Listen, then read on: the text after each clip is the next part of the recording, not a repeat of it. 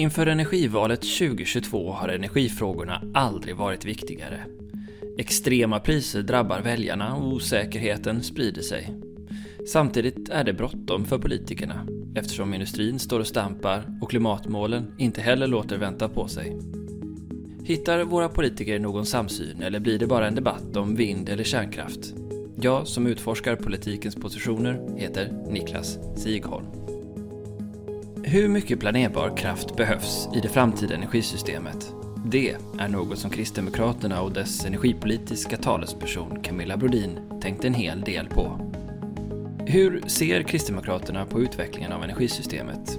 Är de helt med på Moderaternas förslag om kärnkraften? Och hur tänker de sig att en rejäl utbyggnad av förnyelsebart ska gå till? Kul att ha er med!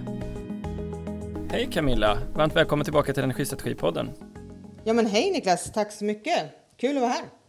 Ja, det är så att vi närmar oss ju val och valtider. Hur har, tycker du, energifrågan hamnat inför valet? Vilken position har den som du ser det?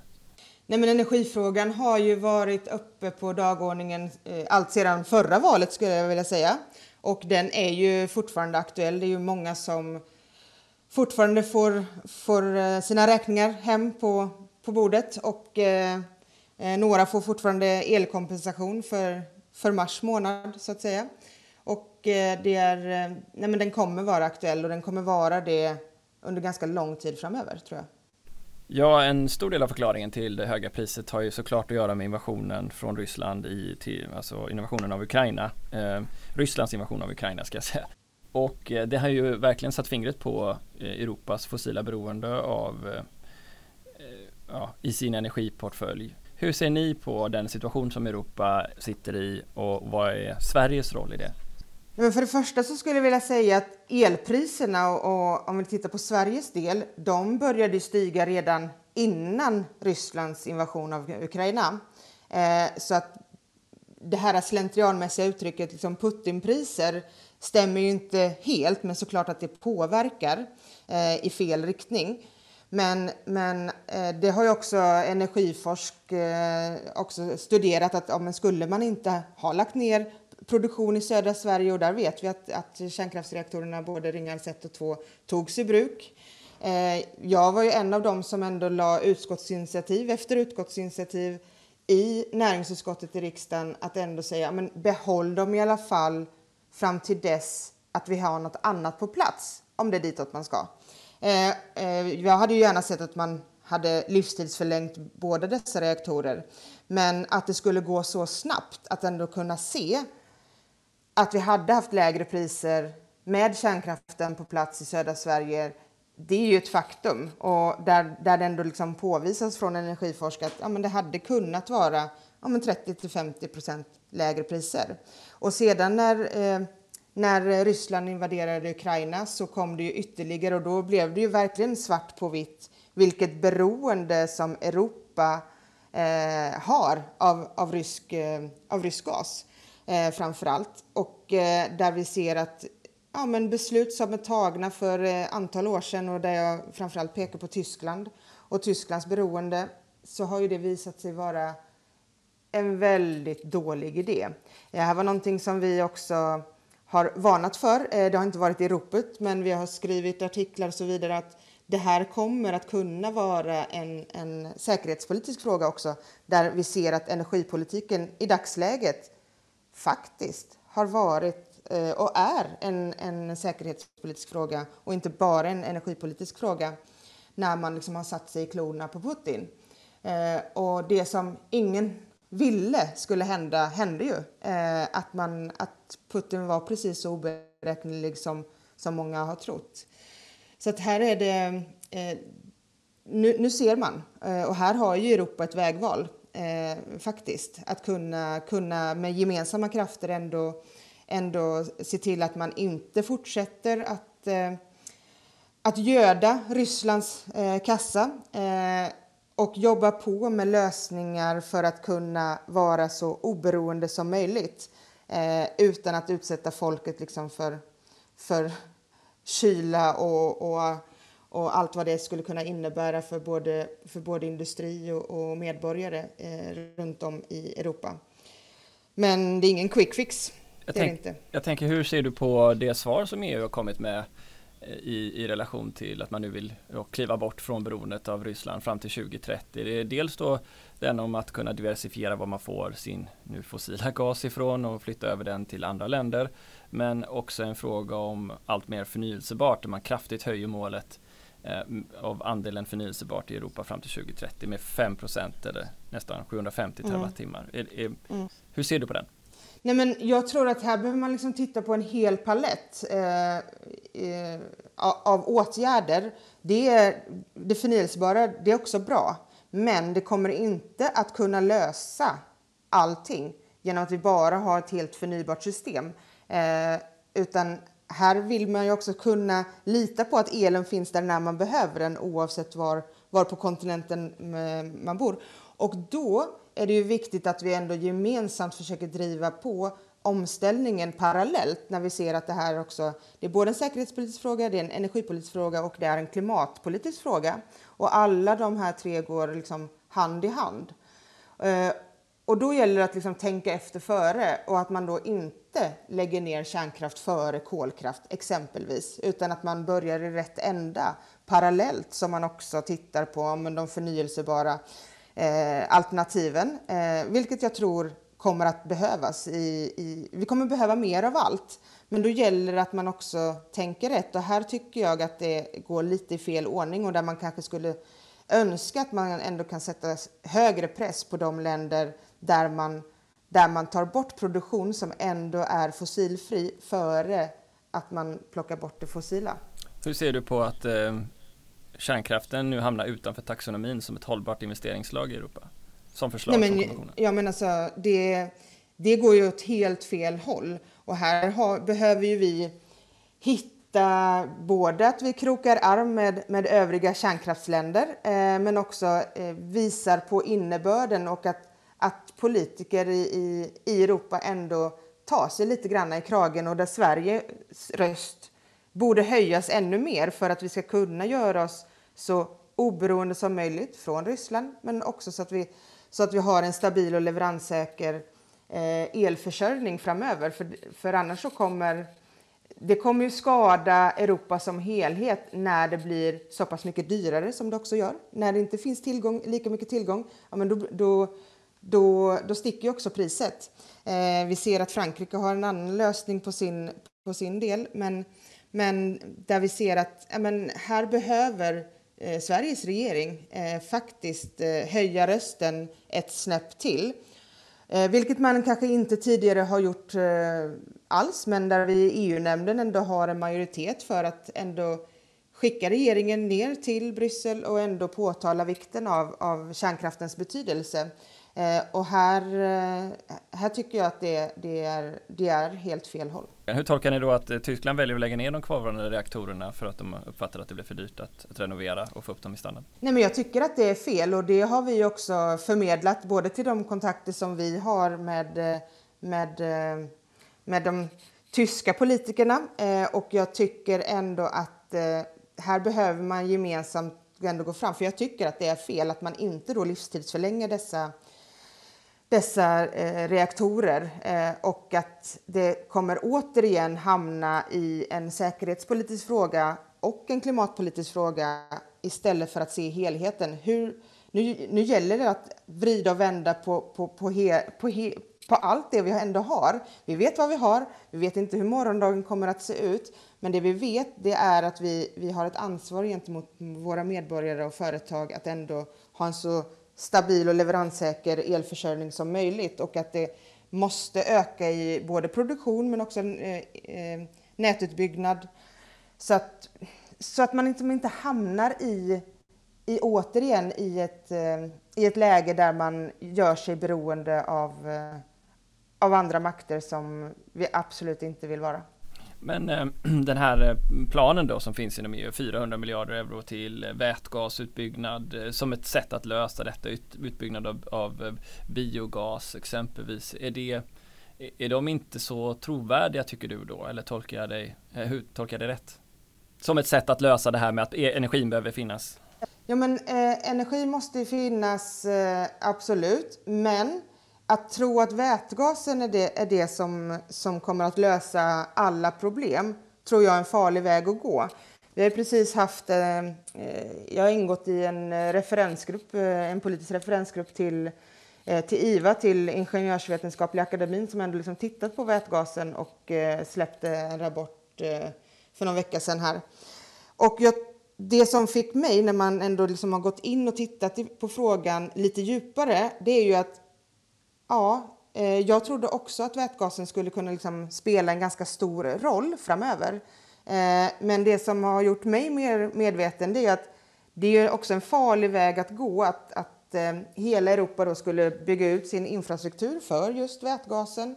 Eh, om den sen ändå hamnar i ett läge där man blir beroende och där jag tror att ja, men, ja, Putin eh, han sitter och tittar på och tycker bygg ni den här infrastrukturen för jag vet att ni kommer ändå inte kunna tillverka det här i den höga utsträckningen som ni kanske vill för att ändå då kalla vätgasen grön utan då, då, då kommer ni återigen behöva, behöva gas ifrån från Ryssland.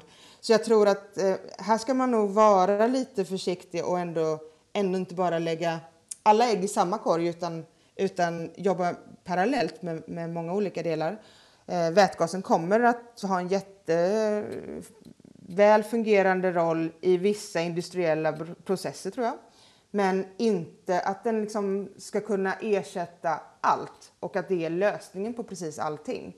Utan det gäller att, att eh, sprida ut riskerna och då innefattar det både förnybart, eh, eh vind och, och, och biokraft och, och eh, vätgas och så vidare och kärnkraft för att vi ska kunna liksom putta bort kolet, oljan och så vidare.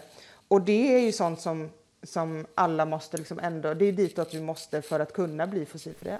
Då tänker jag också på hur ni ser på själva marknadsdesignen i Europa. Den är ju nu utformad som en energy only marknad och mycket av det som har präglat ja, elmarknadsdirektivet och annat har ju också gått ut på just det. Och om man tittar på när engelsmännen byggde sitt kärnkraftverk och Hickley Point så gav de en garanti istället till, eh, till produktionen. Är det Ser ni också att det är rimligt att staten går in och, och, och ger garantier för utbyggnad av, av planerbar kraft i Sverige?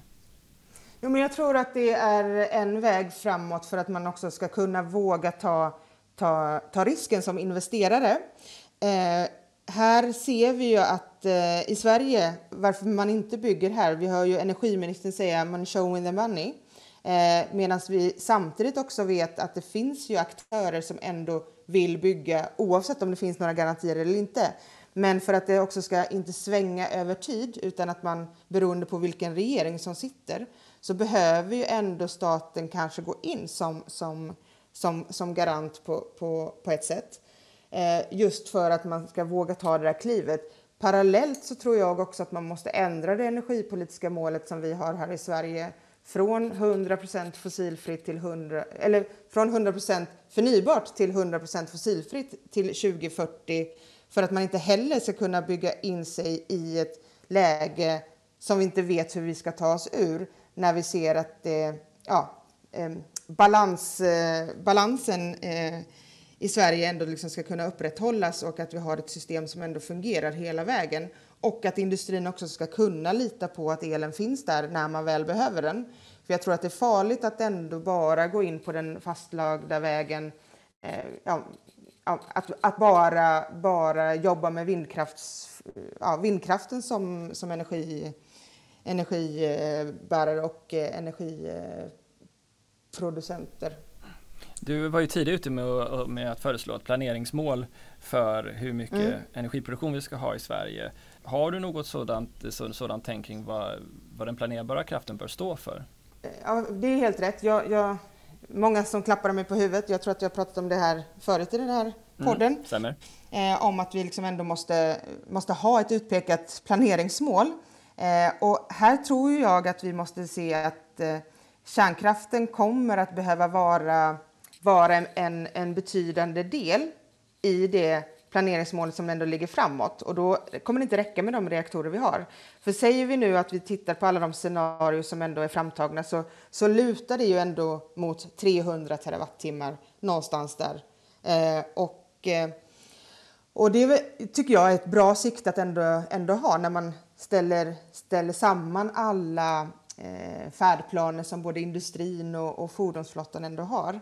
För att få det mest kostnadseffektiva så har det också gjort studier av forskare på detta och där man ser att ja, men, då bör kärnkraften stå för en tredjedel, vattenkraften bör stå för en tredjedel och, och, och det förnybara för en tredjedel. Eh, så att vi gemensamt ändå kan se till att bibehålla, eh, bibehålla den här eh, ja, men, eh, fossilfria tanken att vi ändå ska kunna klara av klimatmålen framöver. Eh, så att eh, minst en tredjedel och då, då pratar vi om, ja men då skulle ju 100 terawatt vara från kärnkraften. Just en dubblering av kärnkraften som du ser det då? Ja, ja det kommer det bli. Det kommer att krävas. Ska, vi, ska man ha vindkraft och både landbaserad och havsbaserad vindkraft så kommer det också krävas planerbar energi för att det ska fungera. Och då kommer vi behöva, ska vi, ska vi öka andelen vindkraft, ja, men då kommer vi också behöva öka andelen kärnkraft. Eh, för annars så kommer det, inte, kommer det inte att fungera i systemet som helhet. Så de är liksom beroende av varandra. Vad ser du för typer av tekniker eh, som eh, du tänker att vi skulle kunna bygga ut kärnkraft i, i den takt som industrin efterfrågar, givet att den är så snabb? Teknikutvecklingen går ju otroligt fort eh, och det är ju superspännande. Jag tror att det är farligt som politiker att, att gå in och, och bara eh, lagstifta om vissa tekniker. Jag tror att det måste vara teknikneutral men att man har visioner och mål hur man ändå ska uppnå det här. Eh, men att kärnkraften är en del i det hela, den tekniklösningen, där ser vi också spännande utveckling med allt ifrån små modulära reaktorer till generation 4. Det är många som också blandar ihop de här begreppen och eh, tror att de små modulära reaktorerna är just generation 4-reaktorer. Eh, även om det liksom är två olika saker. Så tror jag att, att, eh, att eh, man inte ska hämma den utvecklingen, precis som man inte ska hämma utvecklingen med allt som händer på, på, ja, men på, på kraftvärmens roll eh, och, och fjärrvärmens roll och med bio-CCS-lösningar och så vidare. Eh, det, det, är också superspännande och en avgörande del, tror jag, i, för, för systemet som helhet. Men att då gå in och lagstifta om just vissa tekniker, det tror jag är, lite farligt om vi vill ha utveckling och eh, då, för det behövs ju innovationer. Eh, det är alla förtjänta av. Jag tänkte mer bara vad du tror på sådär, för eftersom ja du vet de här stora elektrolysörsproducerande ja. vätgasdrivna stålverken och, och mineralgödsel och allt vad det nu är, de vill ju vara igång nu. Eh, vilken teknik tänker du att vi kan bygga ut så, så fort? Det är nog eh, jättebra med eh, elektro, elektrolysördelarna eh, och så vidare. Men, men jag tror att vi ska inte hämma dem. Det är superspännande och jag tror att det kommer ha en jättebetydande roll framöver. Eh, det. Men inte att det är något enstaka som är liksom själva lösningen på allt. Men däremot så är det ingen hemlighet att vi ser att det kommer att krävas eh, Eh, utveckling på just eh, små eh, modulära eh, reaktorer där vi ser att kärnkraftstekniken ändå kommer att ta oss in i framtiden för att vi också ska kunna klara av målen att bli klimatneutrala i framtiden. Och då gäller det att inte bara Sverige gör det utan att flera länder också gör det. I andra sammanhang liksom pratat om, nu ser man, ja, men det är Team Canada bildas eh, när det gäller liksom kärnkraftsdelarna, man är långt framme där. Eh, vi ser Team Baltikum och, och då undrar jag så här, men vi kanske borde ha något Team Europa där man också tittar på allt ifrån standardisering för att också kunna komma ner i, i priset. För det är ofta, vi får ofta höra att ja, men det är så dyrt, det är ingen som vill investera i, i, i den typen av teknik. Eh, så det, det gäller ju att titta på många olika delar parallellt. Eh, ni var ju skeptiska till det här med att eh, subventionera nätet till havs för att det var en subvention mot ett enskilt kraftslag. I vilken mån skiljer det sig? Eller är mm. det mer rätt då att man tänker att vi väljer ut vilka kraftslag vi ska ha och så får staten stå för en del av, av kostnaden för att utveckla de här? Eller finns det skillnad mellan de här två som du ser? Men jag tror, ja, men man måste titta på så här, vad är det för, vilka egenskaper har de olika kraftslagen som som man tillför systemet. För vi vet ju att eh, ja, eh, Svenska kraftnät måste liksom upphandla eh, stödtjänster eh, och så vidare just för att man också har väderberoende kraft i systemet. Vi tror ju att man behöver liksom se över, eh, ja, vi behöver liksom en reform när det gäller elmarknads, elmarknadens utformning. Eh, vad är det man får betalt för och inte i, Eh, framöver? Eh, vilka bidrar till stabiliteten i systemet? Vilka gör det inte och hur ska en sådan modell se ut? Här behövs göras ett omtag. Eh, att det är en subvention när man slopar anslutningsavgifterna till havsbaserad vindkraft tycker jag inte är någonting att snacka om för att det, jag ser det som en subvention. Eh, verkligen, för det är, inte, det är inte några tusenlappar man slänger in utan det är ganska många miljarder. Eh, och då måste man också titta på vad, vad är, hur mycket output får vi eh, för det här för systemet som helhet. Eh, men att vi har ett, ett, eh, ansvar att ändå kunna se till att vi har en leveransförmåga i hela Sverige tycker jag är långt mycket viktigare. Och här har vi ju ett ja, leveranssäkerhetsmål antaget av riksdagen i tillkännagivande. Men det har inte hänt någonting och detta togs ändå 2019. Då har ju regeringen på sig två år att återkomma till riksdagen med, med, med den formen av, eh, av beslut. Men eh, det har vi inte ännu. Och eh, här ser vi ju att här behöver man ha en utpekad ansvarig eh, som exempelvis skulle kunna vara Svenska kraftnät. Eh, nu säger jag inte att det måste vara Svenska kraftnät, men det skulle kunna vara Svenska kraftnät. De har ju balansansvaret idag, men de har ju inte ett ansvar för att se till att det finns tillräckligt mycket produktion på, på ena sidan så att säga, utan eh, Eh, för att det ska kunna vara leveranssäkert. Och här skulle man kunna liksom se ja, hur, skulle, hur skulle en sån modell kunna se ut? Mm. Ja, men jag tycker det är bra Camilla att du understryker det där valet av ord för vissa vill ju verkligen inte mena att, eh, att utbyggnaden av det havsbaserade eh, eh, nätverket, alltså eldistributionen på 40 miljarder är en subvention, man vill kalla det någonting annat. Men i vilket fall som helst om vi inte försöker att strunta exakt vad vi kallar det så att staten går i god för på något sätt enskilda kraftslag. Det som princip verkar ni ju ändå vara för men ni säger att vi vill, vi vill göra det för, de, för andra kraftslagen det regeringen vill. Förstår jag det rätt då? Jo, men eh, ja, du har nog förstått mig helt rätt. Eh, absolut. För att i slutändan så handlar det ändå om att vi måste säkerställa att det finns, finns tillräckligt med el där man behöver den utan att man ska behöva vara orolig över om det här kommer att fungera eller inte när vågskålen tippar över. Och då finns det ju andra kraftslag som är ett måste för att det, det överhuvudtaget ska kunna fungera med, den, med vindkraften exempelvis.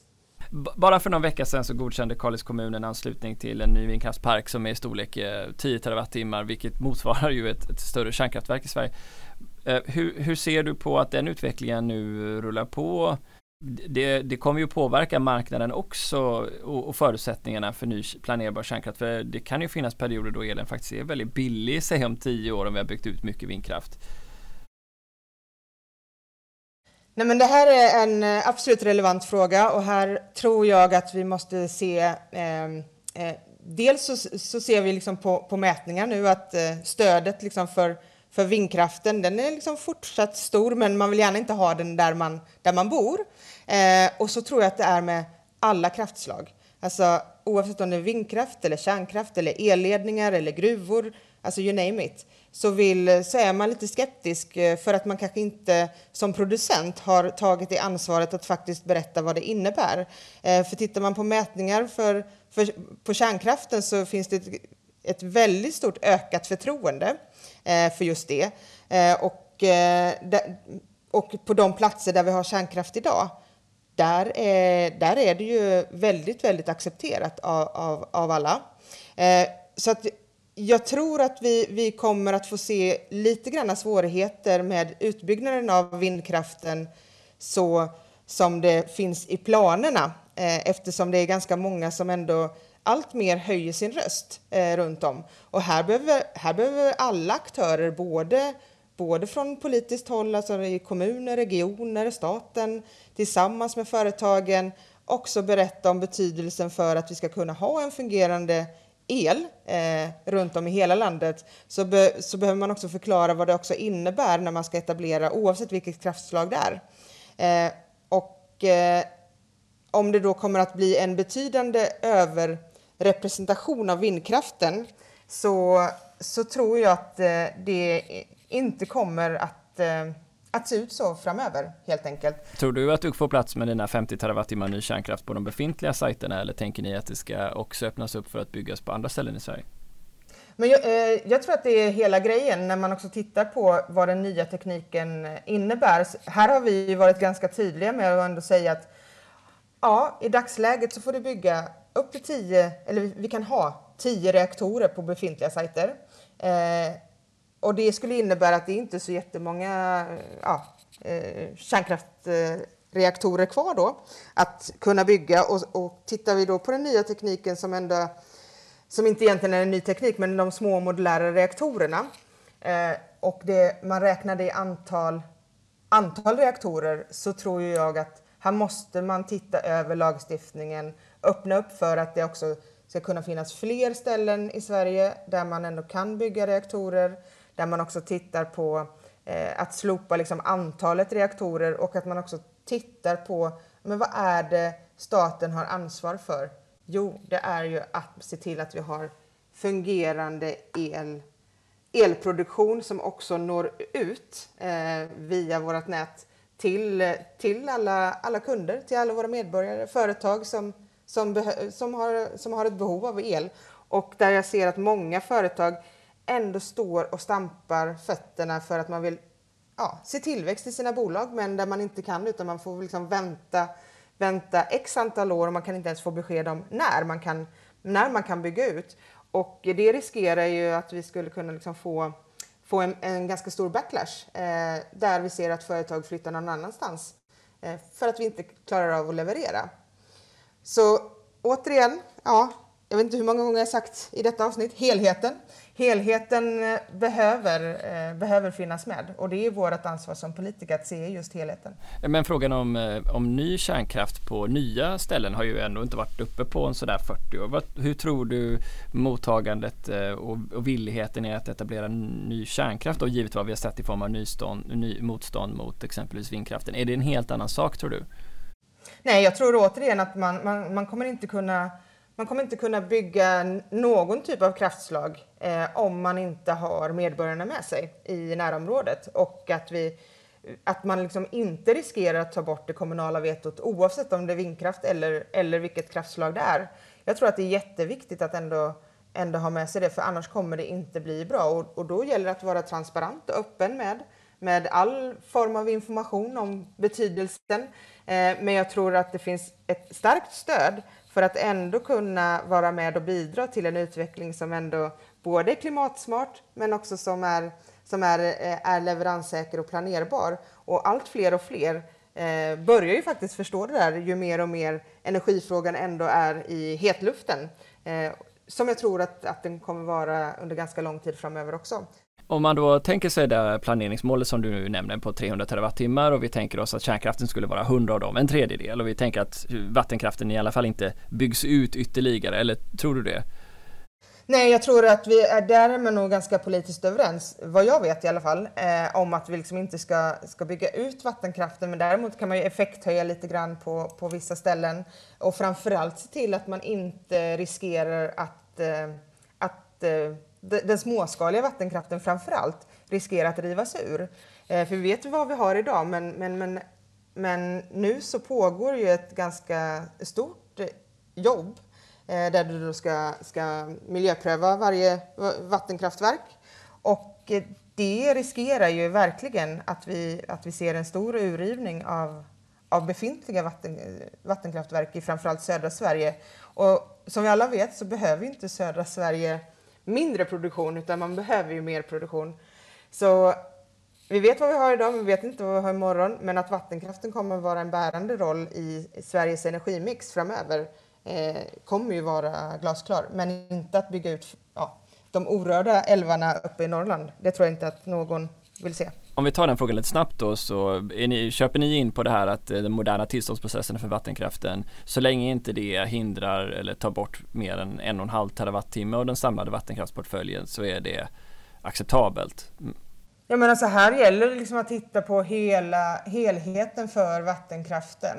eh, och att man liksom ändå ser till att förutsättningarna för att ändå kunna bedriva sin verksamhet framöver inte får riskeras som den gör just nu. Och där vi har föreslagit att ja, inför ett moratorium, det vill säga inför ett stopp för den här behandlingen innan, innan man faktiskt verkligen har, har gått till botten med, med det här så att det inte fler vattenkraftverk och vattenkraftsägare som är ganska oroade över framtiden just nu framöver. Okej, okay, ja men då förstår jag.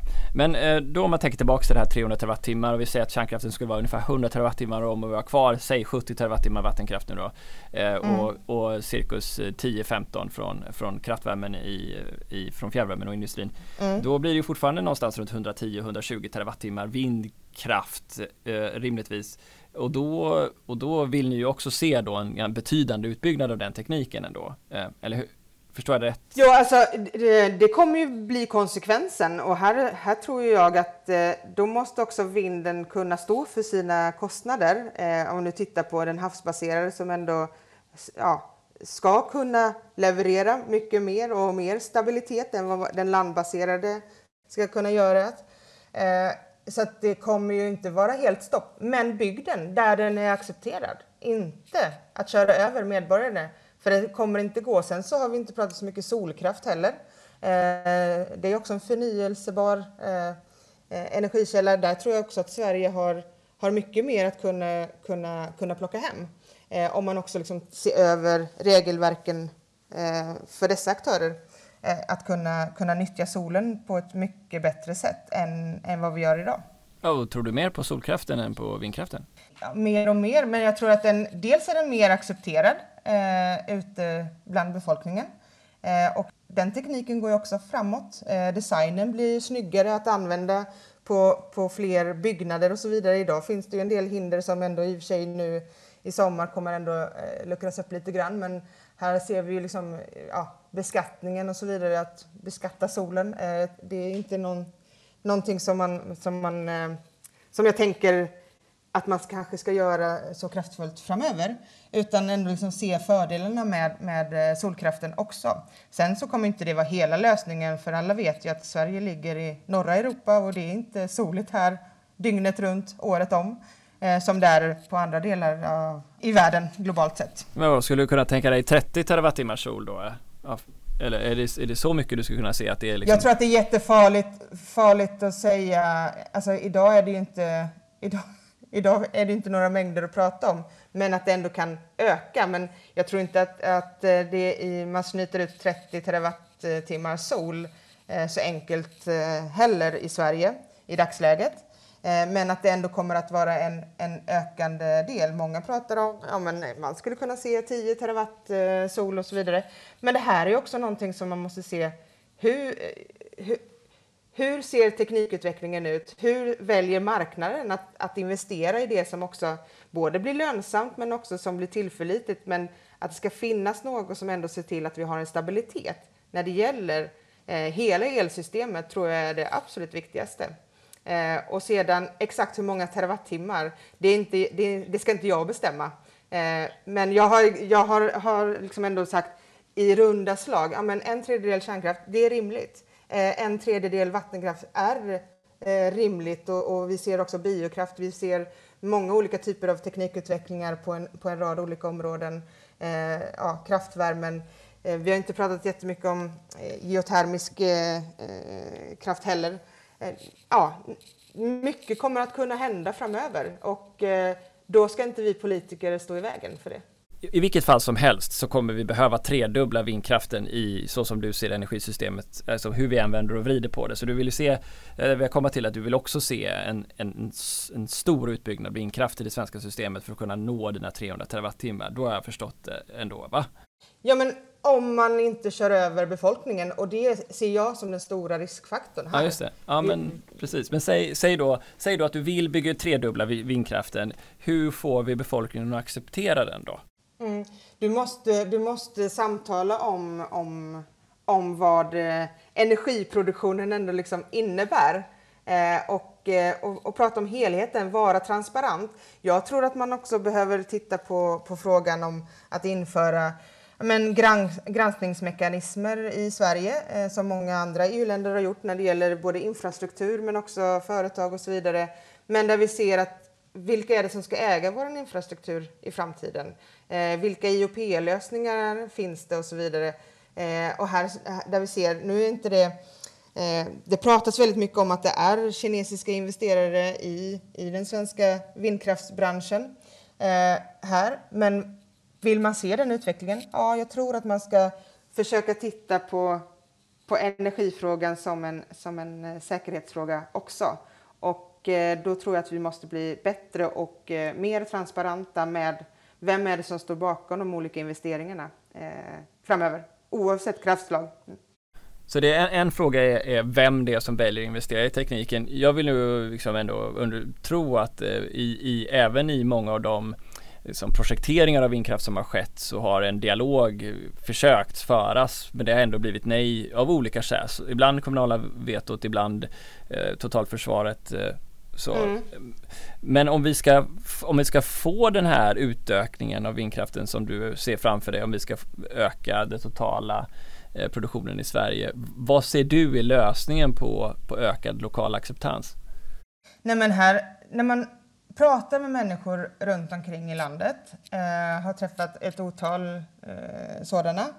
När man ser att ja, men, jag har fått en halvering av värdet av min fastighet. Eh, ibland har man en gård och man har flera, flera fastigheter och eh, olika bostäder på de olika fastigheterna som, som gör att man kan se att men allt det jag har byggt upp, det är nu halverat i, i värde.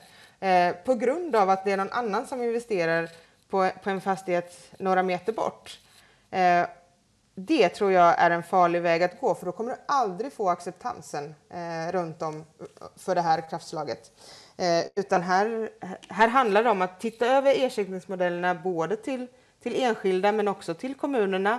Men vi får inte heller hamna i en sån risk att det blir i avbefolkningskommuner, att man ser det som en inkomstkälla för att kunna liksom behålla driften någonstans. Eh, för Säg att, ja, jag har hört eh, Annika Strandhäll säga så här, jo men man kan ju få en simhall byggd eh, ja, på sin ort eh, om man då väljer att säga ja till en vindkraftsetablering. Ja men om man inte har befolkningen med sig, så vem ska simma i den här simhallen om man ändå får en avflyttning från kommunen och du förlorar skatteintäkter bara för att du gör någonting som, som inte är, är folkligt förankrat? jag tror att vi får liksom inte heller vara så naiva att vi bygger in oss i system som sen bara gör det ännu värre. Eh, utan här, här, här det, det, finns en problematik med, med vindkraften som sådan. Eh, och eh, jag säger inte att den inte ska finnas, eh, men jag säger att den, den, den kommer att behövas och sen hur, exakt hur mycket, det, det får ju också marknaden visa, men man måste också alltid vara transparent, och öppen och försöka ha medborgarna med sig och inte bygga den där den absolut inte accepteras. För det kommer inte vara eh, rätt utvecklingen för, för Sverige och för att hela landet ska kunna leva. Men flera av dina politiska kollegor på båda sidor blocken börjar ju ta fram förslag på hur man tycker att lösningen för det här ska se ut, även om man givetvis som du gör nu behöver problematisera det. Har ni något sådant förslag om, om att det antingen skulle kunna tänkas vara fastighetsskatten eller att det skulle kunna vara arrendefrågor som behöver förändras? Har ni mejslat fram vad ni tycker där? Vad är rimligt? Nej, Nej, men alltså det rimliga är att liksom titta över ersättningsfrågan utifrån en rad olika parametrar. Eh, titta gärna på hur, hur, man har gjort i Norge. Eh, I Norge börjar också liksom den här vindkraftsmotståndet eh, öka också mot vad, vad, vi har sett tidigare.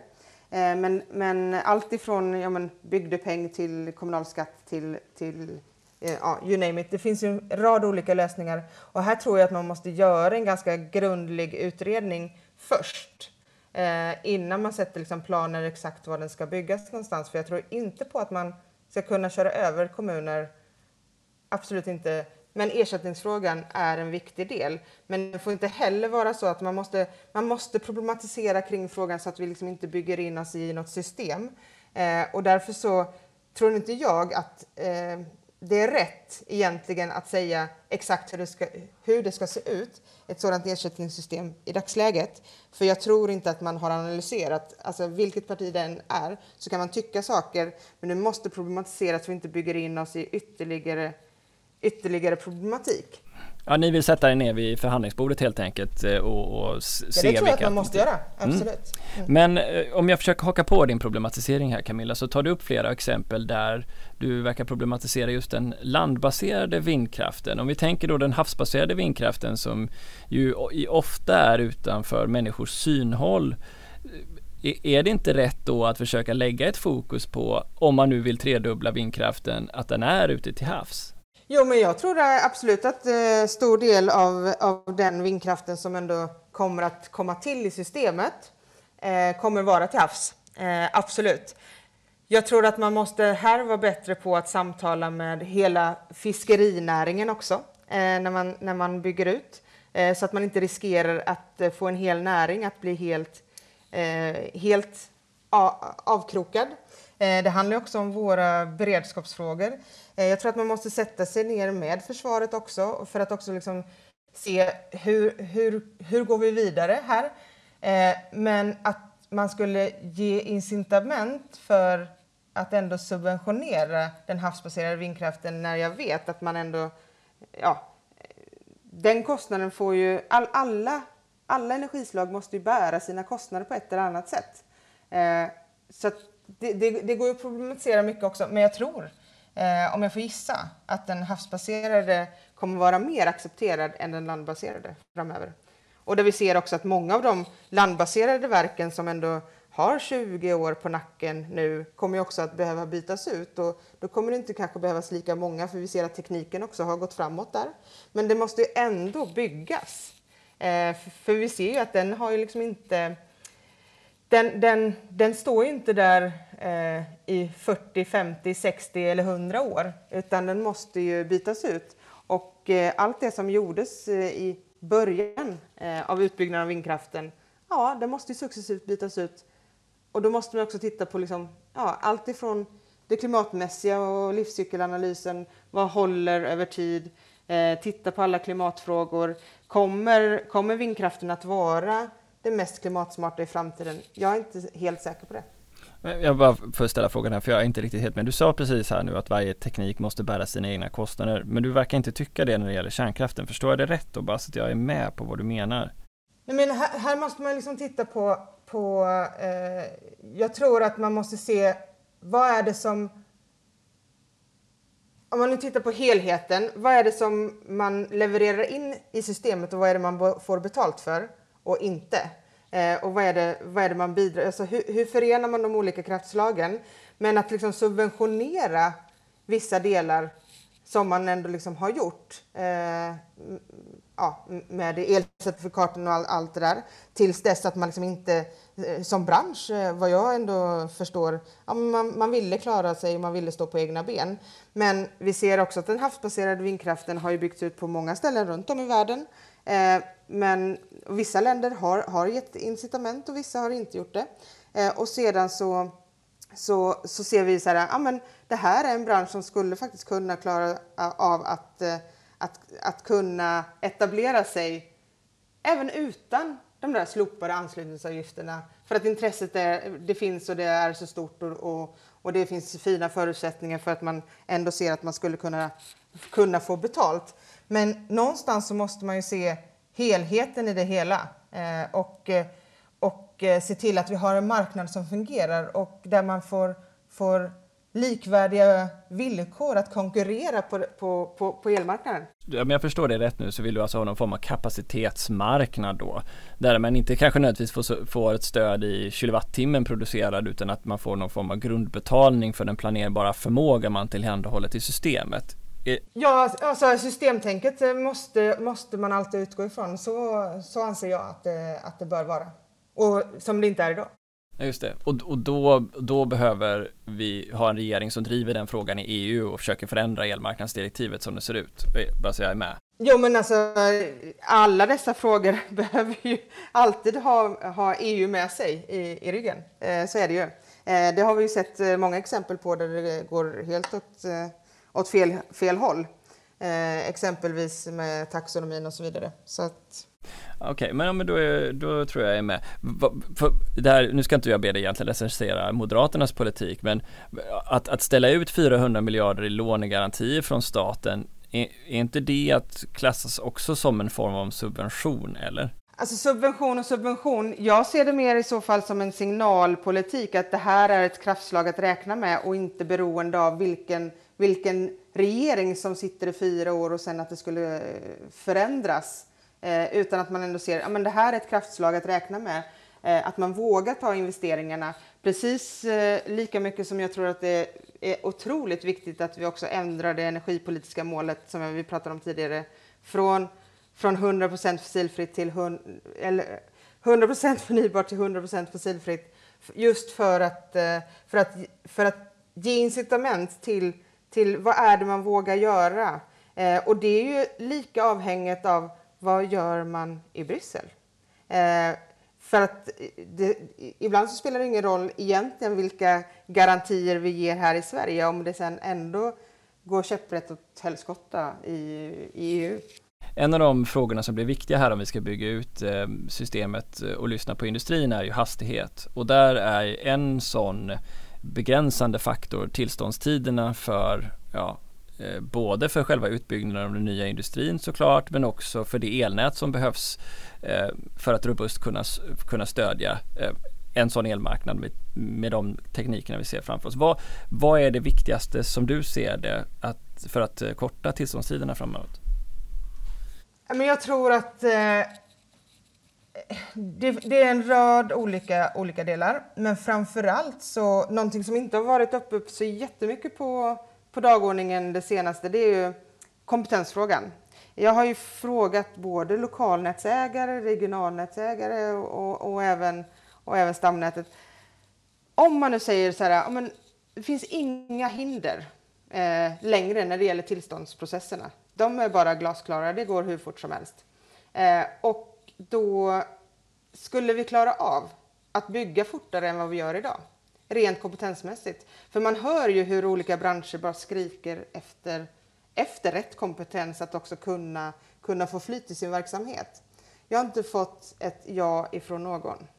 Alltså kompetensfrågan kommer att vara en riktig avgörande faktor framöver.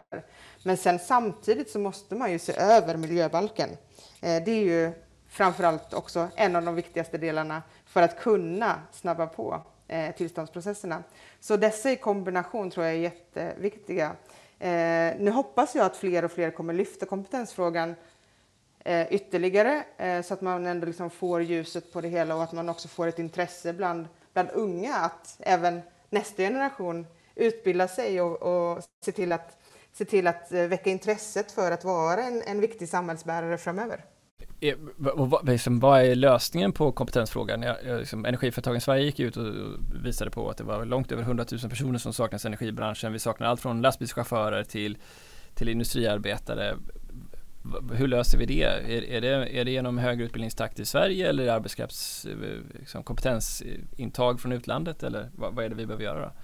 Nej, men om vi tittar i, i Sverige så har vi i, i dagsläget en ganska hög arbetslöshet. Eh, vi har Eh, Eh, många olika branscher som står och skriker efter kompetens, eller särskild kompetens, eller om det är, är ibland ja, men armar och ben som ska in i sin egen verksamhet och att man utbildar på plats. Så det finns ju en hel uppsjö av olika, av olika arbetsuppgifter som idag saknar arbetare. Och då behöver man ju dels vara bättre både från branschen men också ifrån, ifrån utbildningssidan att väcka intresse hos eleverna så att inte, för alla kommer inte kunna liksom bli youtubers i framtiden eller eh, idrottsstjärnor eller you name it. Eh, för det kommer det, det går ju i vågor vad som är populärt och inte.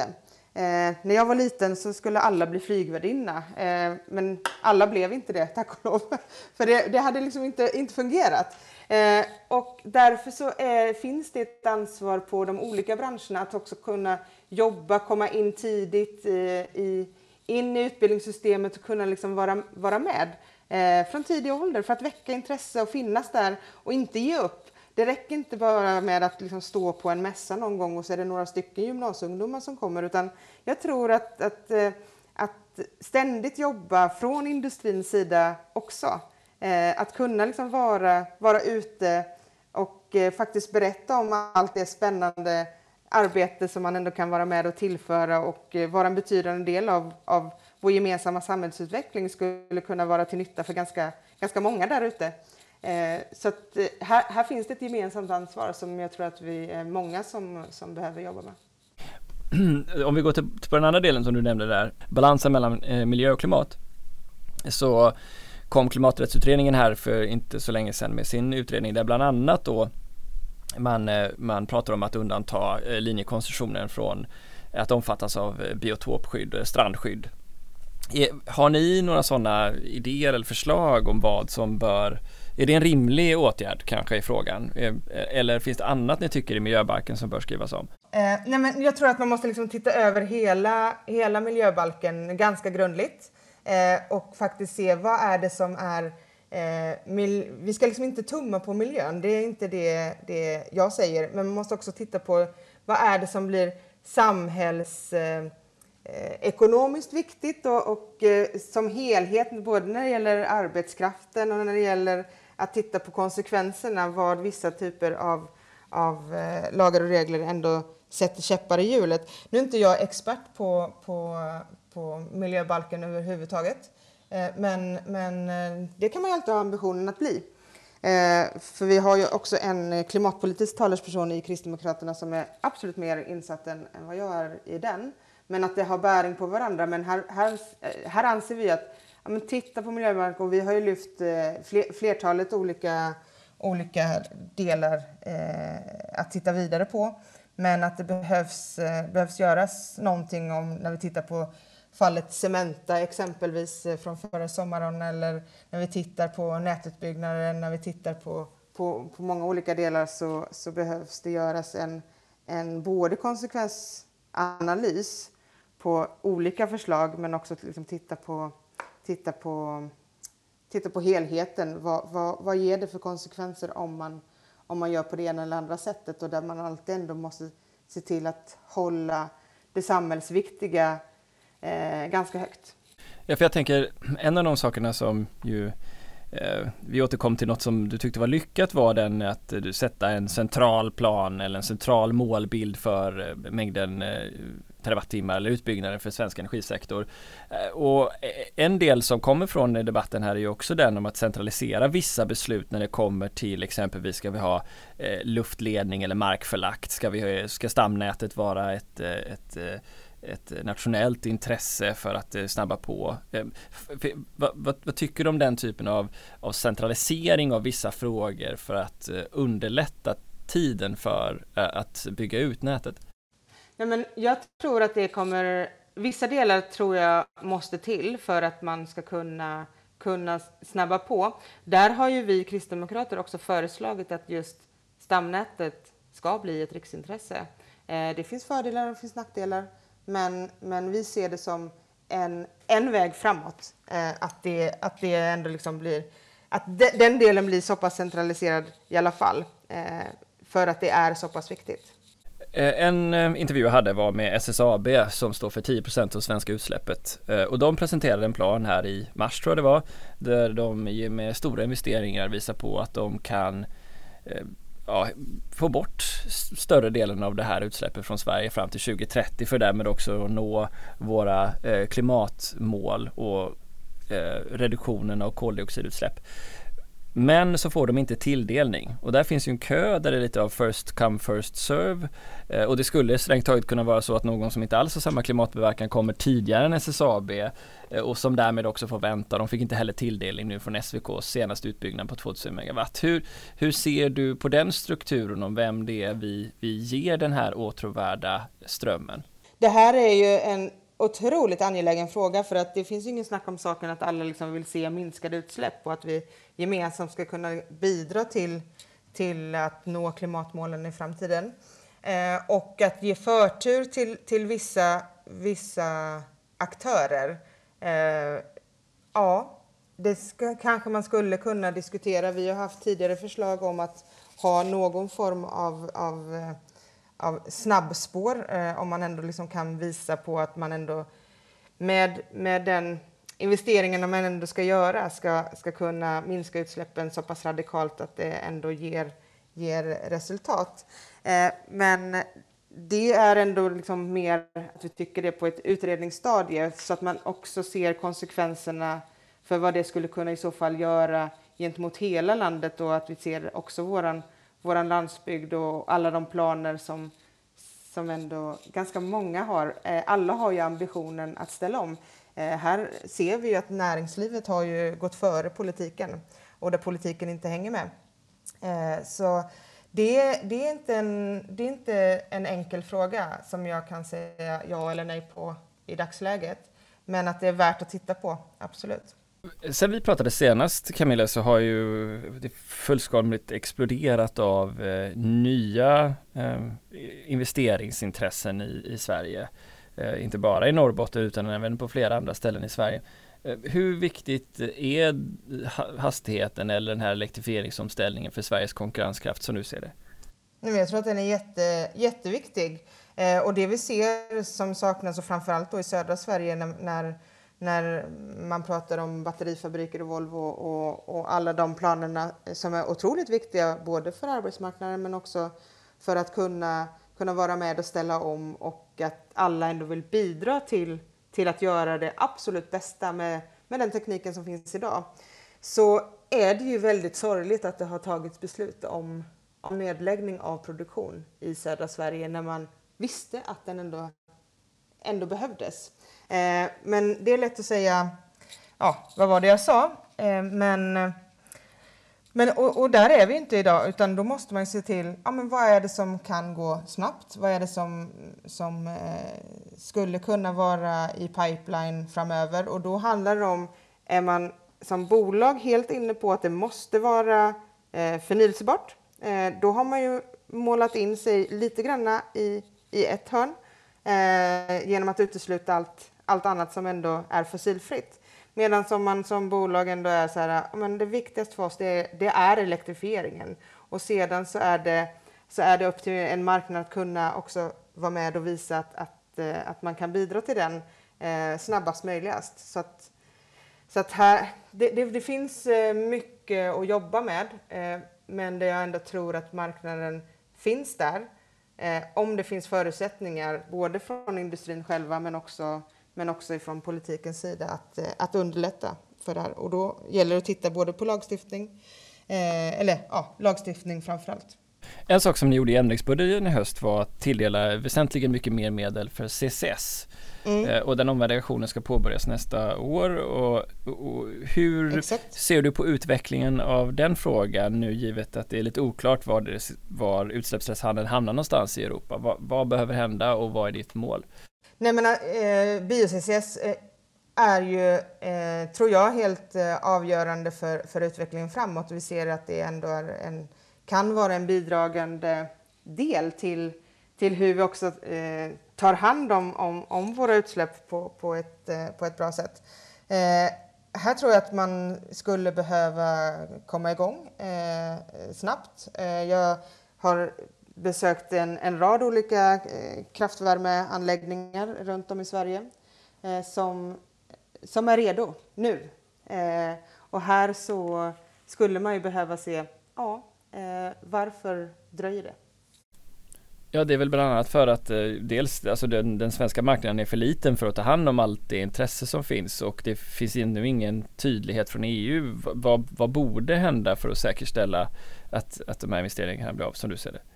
Jo, men alltså, det som borde hända det är, ju, det är ju att vi från Sveriges sida är väldigt, väldigt tydliga och att vi kommer, att vi kommer igång och att vi också är tydliga gentemot EU så att, så att vi får, får till det så snabbt som möjligt. Eh, alla står ju och väntar och eh, några, några har, pratar ju med, med Norge eh, också, givetvis, för att liksom se, får man plats i den där eh, tilldelningen av att infången och så vidare.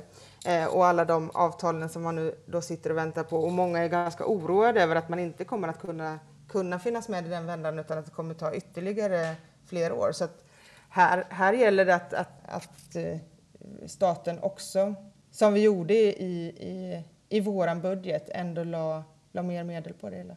Är det någon av dina kollegor i form av Sara Skyttedal eller David Lega som liksom engagerar sig för den här frågan i Europa? Eh, jag har eh, helt ärligt, jag antar att man ändå är engagerad i, en rad olika frågor och just den här frågan. Men jag får väl eh, lyfta på luren och, och, och, och kolla helt enkelt. Ja, okej, okay, men spännande. Du, eh, vad är du mest eh, positiv till, kring? Vad, vad, vad är det du ser som gör dig mest opportunist eller mest optimistisk när det gäller utvecklingen av den svenska energimarknaden? Finns det något Nej, men ja, alltså när man hör politiker från då andra sidan eh, block, blockgränsen säga att ja, men det, finns, det finns ingen som vill investera i kärnkraft överhuvudtaget och där man ändå ser att det finns, det finns ju. Jag har ju träffat dem.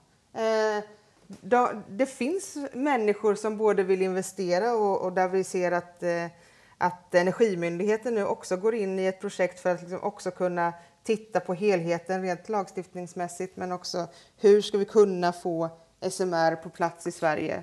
Eh, och då gör man ändå den typen av, av, investeringar så måste det också följas upp med att man ser över kärnkraftslagstiftningen.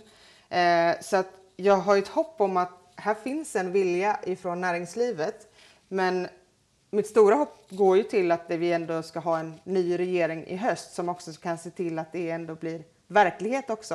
Eh, eftersom jag har ställt frågan eh, till ja, på, på riksdagens frågestund för några veckor sedan så ställde jag en fråga till den som svarade då på eh, allmänpolitiska frågor eftersom eh, energiministern inte fanns på plats just vid detta tillfället. Men då var det ju före detta energiminister Anders Ygeman som ändå svarade på allmänna frågor.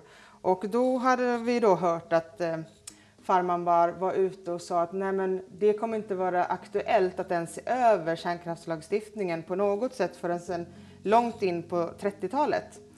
Eh, jag tycker att det är ganska oansvarigt som minister att, att, eh, att uttala sig på det sättet.